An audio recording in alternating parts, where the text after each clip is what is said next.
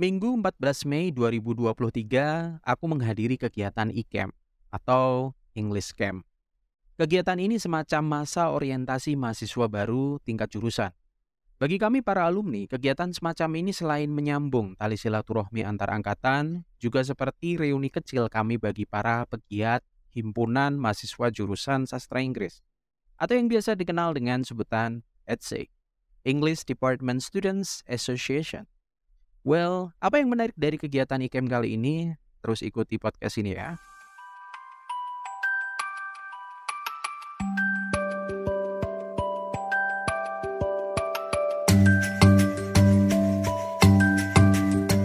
Assalamualaikum warahmatullahi wabarakatuh. From Jember, East Java, Indonesia. My name is Arif and welcome to podcast San. Welcome back to Kosuka, konten suka-suka dan hari ini aku akan bercerita sedikit tentang pengalamanku mengikuti kegiatan orientasi mahasiswa baru tingkat jurusan.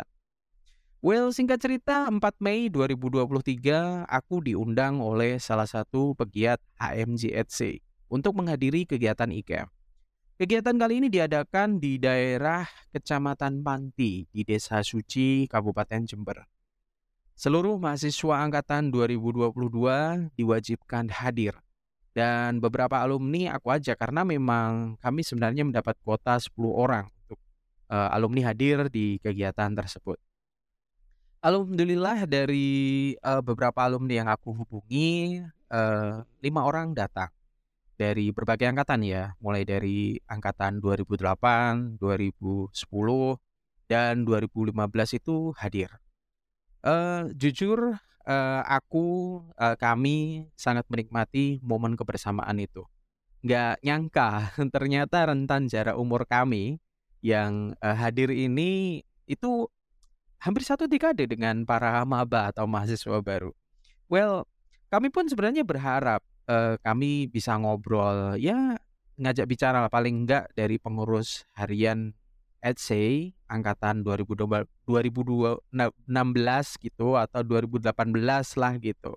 Jadi uh, jarak topik obrolannya tidak terlalu jauh, tapi kita juga nggak bisa berharap banyak ya karena di masa pandemi itu hampir tiga angkatan itu tidak mengali, mengalami ya uh, dan uh, terjun langsung sebenarnya acara IKEM itu uh, seperti apa gitu. Tapi mending lah ada angkatan 2019 yang hadir. Uh, sebenarnya kami datang tanpa ada niatan untuk menggurui atau, uh, mengevaluasi kegiatan. Jadi, uh, be cool aja ya guys ya kalau, uh, ada beberapa alumni yang datang di kegiatan kalian. Uh, kami hanya datang untuk menonton sebenarnya seperti itu dan jika memang diperlukan sebenarnya tenaga dan pikiran kami itu siap untuk membantu. Uh, singkat cerita dari awalnya yang kami berlima tidak berencana untuk menginap, uh, pada akhirnya menginap uh, di hari berikutnya itu hari Minggunya gitu. Kita datang hari Sabtu sore ternyata harus nginep dan hari Minggu itu baru pulang. Uh, karena panitia membutuhkan uh, tenaga dan obrolan kami. Jadi ada diskusi sharing uh, kecil kami diadakan untuk uh, beberapa panitia. Dan pada akhirnya kami diminta untuk membantu di kegiatan night trekking. Uh, jika kalian para pendengar setiap podcastan yang juga merupakan bagian dari mahasiswa jurusan sastra Inggris, ya pasti familiar don dengan uh, nama atau istilah night trekking. Uh, night trekking ini semacam apa ya yang biasanya itu jurit malam atau susur hutan yang uh, di kegiatan tersebut terdapat pos-pos di mana di setiap pos itu harus menyelesaikan sebuah tugas. Bagi kalian yang mahasiswa jurusan sastra Inggris Universitas Jember angkatan sebelum pandemi, night trekking umumnya itu terdiri dari empat pos utama yang artinya hanya ada empat tugas yang harus dilalui mahasiswa baru. Tapi kali ini ada delapan pos utama dan itu belum dihitung untuk pos bayangannya. Dan memang jaraknya itu jauh guys. Dan uh, empat empat pos atau delapan pos yang dibangun ini sebenarnya bukan hanya untuk mengerjakan tugas tapi juga untuk jarak supaya mereka itu beristirahat karena jarak putarannya itu uh, rutenya itu cukup uh, cukup jauh. Dari panitia kami diminta untuk menjadi tim sweeper. Jadi tim sweeper ini dibentuk sebagai tim yang bergerak mendampingi uh, setiap kelompok ya eee, tapi jari jari dari jarak jauh. Jika ada mahasiswa yang terpisah dari rombongan, kami sebagai tim sweeper itu yang berada di paling belakang baris barisan itu akan rescue mahasiswa tersebut gitu ya, mengembalikan di kelompoknya gitu, di rutenya yang benar.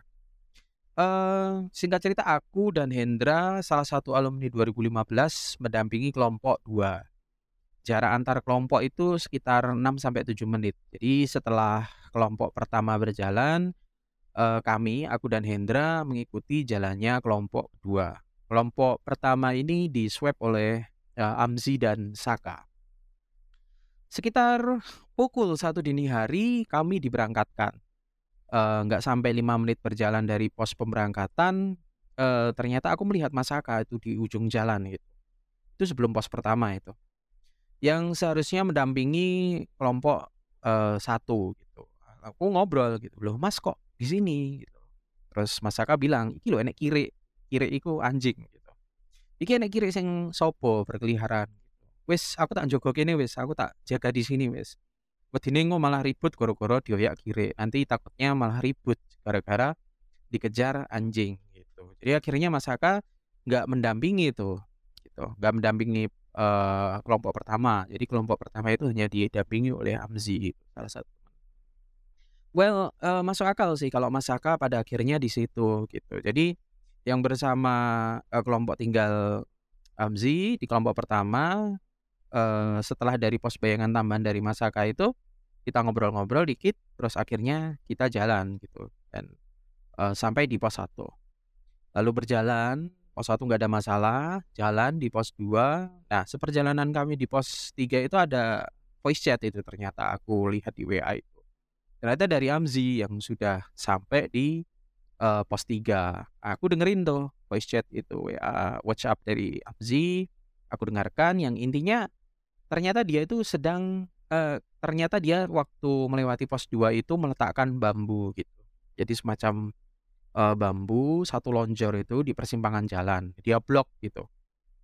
Ada jalan yang salah itu tapi ada jalan, ada persimpangan jalan tapi tidak dijaga oleh orang dia tidak dijaga oleh panitia lah, takutnya nanti salah makanya dia merintangkan, eee, sebuah bambu gitu, si Amzi ini.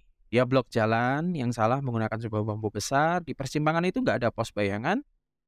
Eee, tapi aku mau tegur rombongan, kayaknya ini ada persimpangan, kalian harus ambil ke kanan gitu, nggak ambil ke kiri gitu. Tapi, eee, kelompoknya itu udah jauh, ya sekitar 10 meteran lah di depan. Tapi ya udahlah di ujung jalan dia dia, eee, si orang yang di depan itu, si kelompok yang berjalan itu ternyata sudah menyadari gitu. Alhamdulillah dia menyadari bahwa di ujung jalan tersebut itu ada sungai gitu.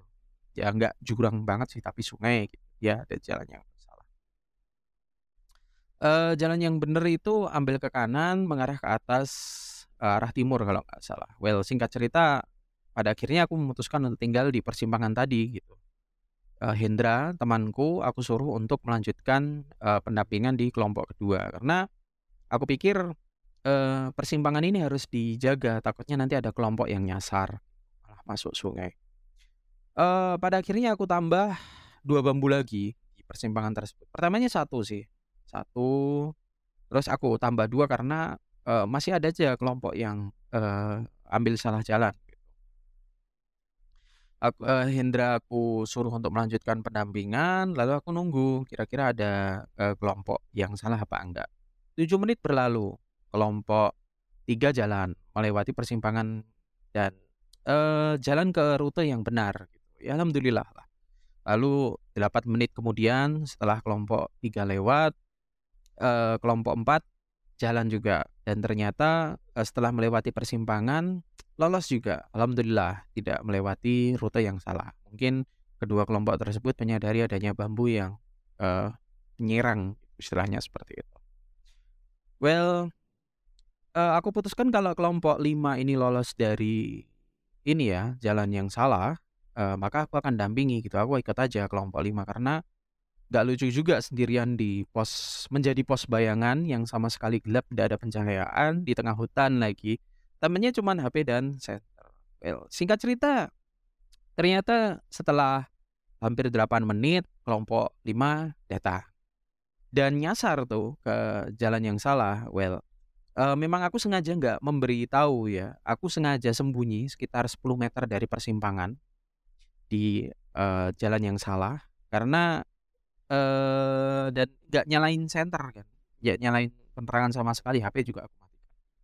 Well, setelah mendekat itu baru aku bilang tuh setelah masuk ke jalan yang salah itu, "You are in the wrong way. Please take another road."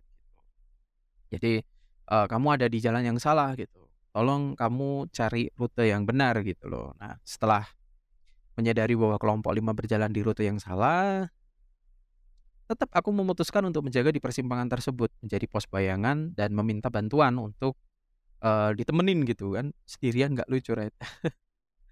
aku kontak Amzi yang uh, sudah berjalan sampai pos 5 di kelompok satu itu untuk segera mengirimkan anggota yang lain di posku. Uh, di setiap pos utama itu, jadi kan ada 8 pos itu tadi. Di setiap pos utama itu sebenarnya ada yang pegang HT gitu, handy talkie gitu. Dan dengan begitu kan sebenarnya aku berharap bantuan itu datang lebih cepat gitu ya. Minimal bawain air atau bawain makanan, cemilan gitu. Well, meski ternyata enggak gitu. Ternyata enggak cepat juga gitu. Kelompok 6 datang itu enggak ada panitia atau apa yang nemenin gitu dan nyasar juga ke jalan yang salah. Mereka berjalan ke arahku, padahal udah tak tambah itu ringan tangan bambu ini sampai tiga gitu. Kelompok tujuh juga nyasar. Well, jam itu pukul itu sudah menunjukkan pukul 2 lebih 30 menit. Nah, akhirnya aku minta bantuan pada akhirnya ke panitia. Aku hampir nunggu sekitar dua jam kan di situ dirian gitu. Aku akhirnya minta bantuan ke panitia langsung, nggak lewat Amzi gitu. Aku calling, nemenin lah uh, mereka karena horor juga di persimpangan rimbunan bambu yang totally sendirian temennya cuma jangkrik tapi meskipun buat laporan ke panitia sampai kelompok terakhir lewat itu sampai kelompok 10 ternyata juga masih sendirian jadi total dari 10 kelompok yang lewat itu setelah pos 2 di persimpangan bambu itu yang nyasar di di di, di pos bayanganku itu ada sekitar berapa ya berarti ya ada sekitar 7, 7 sampai 6, 6 kelompok itu nyasar gitu loh. Well, bagiku pengalaman ini cukup menarik ya. Uh, meskipun sudah berkali-kali mengikuti kegiatan night trekking mulai dari SMA saat menjadi OSIS, menurutku ini yang paling berkesan gitu loh. Di umur yang sudah mencapai kepala tiga, malah justru mendapatkan pengalaman yang cukup horor di tempat yang baru. Uh, aku sendiri di ketika di persimpangan bambu itu ya, yang benar-benar di tengah hutan di Desa Suci, eh, Kecamatan Panti itu itu kayak PTP gitu, di di perkebunan PTP itu aku benar-benar sendirian. Hening. Suaranya cuman jangkrik. Suara air mengalir sungai dan di situ aku merasa bahwa, wah "Waduh, ini ketemu setan ya apa." Tapi sama sekali alhamdulillah nggak nggak nggak nemu sesuatu hal yang aneh gitu, justru, uh, disibukkan oleh uh, menghangatkan diri ya, karena dingin banget ceri cuacanya di situ. Dingin dan di situ aku merasa, well ini benar-benar pengalaman yang menarik ketika di umurku yang sudah mencapai kepala tiga. Well, at least thanks buat semua anggota ETC, uh, acara acara kalian keren.